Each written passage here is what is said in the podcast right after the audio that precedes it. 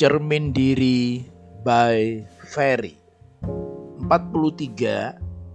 Jerah Jerah berarti tidak akan mengulangi kesalahan yang sama sebab telah mengetahui atau mengalami risiko suatu tindakan yang merugikan atau menyakitkan.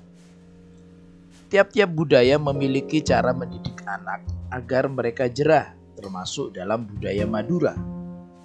Tahukah Anda bagaimana seorang ayah di pesisir Madura mendidik anaknya supaya jerah? Ayah saya pernah berkisah begini.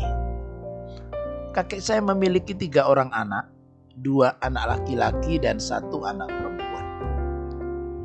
Karena mereka tinggal di tepi pantai, kakek menasihati anak-anaknya agar jangan bermain di laut saat ombak besar.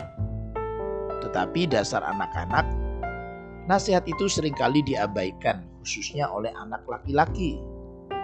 Bagaimana caranya supaya mereka jerah? Ketika ketahuan mereka bermain sampai agak ke tengah laut, kakek saya segera memanggil anak-anaknya. Diikatnya di pohon kelapa, kemudian ditaburi semut besar. Apakah anaknya kemudian menjadi cacat? Tidak. Semut itu memang menggigitnya, tetapi tidak akan sampai membinasakannya. Tindakan disiplin ini cukup efektif. Anak-anak merasa jerah dan tidak lagi berani bermain di laut saat ombak besar.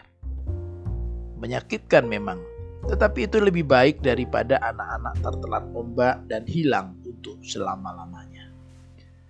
Pendidik di zaman sekarang banyak yang tidak menyetujui cara keras seperti itu. Tetapi mereka pun tidak bisa memberikan alternatif agar apa yang diajarkan kepada anak-anak menjadi efektif. Orang tua pun sering mendukung anaknya ketika mereka malas belajar. Sebenarnya ketika anak kita tetap saja bermain game walaupun telah dinasihati agar belajar, maka orang tua harus mengambil tindakan tegas. Menjual peralatan game itu atau jika ternyata ia tidak naik kelas, orang tua tidak perlu mendesak guru agar mengatrol anaknya.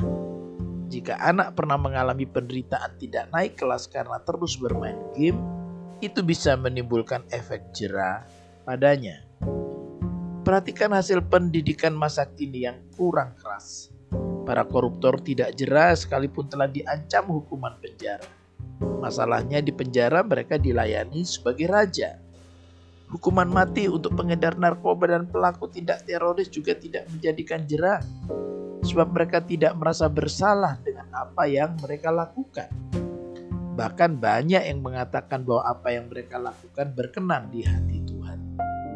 Sebagai orang yang beriman kepada Tuhan, mari kita memiliki kepekaan dan menjadi jerah untuk tidak lagi melakukan hal yang tercemar.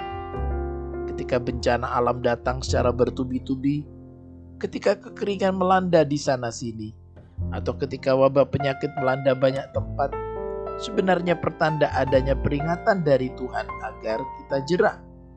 Ia ingin agar kita bertobat dan kembali ke jalan yang benar selagi ada kesempatan.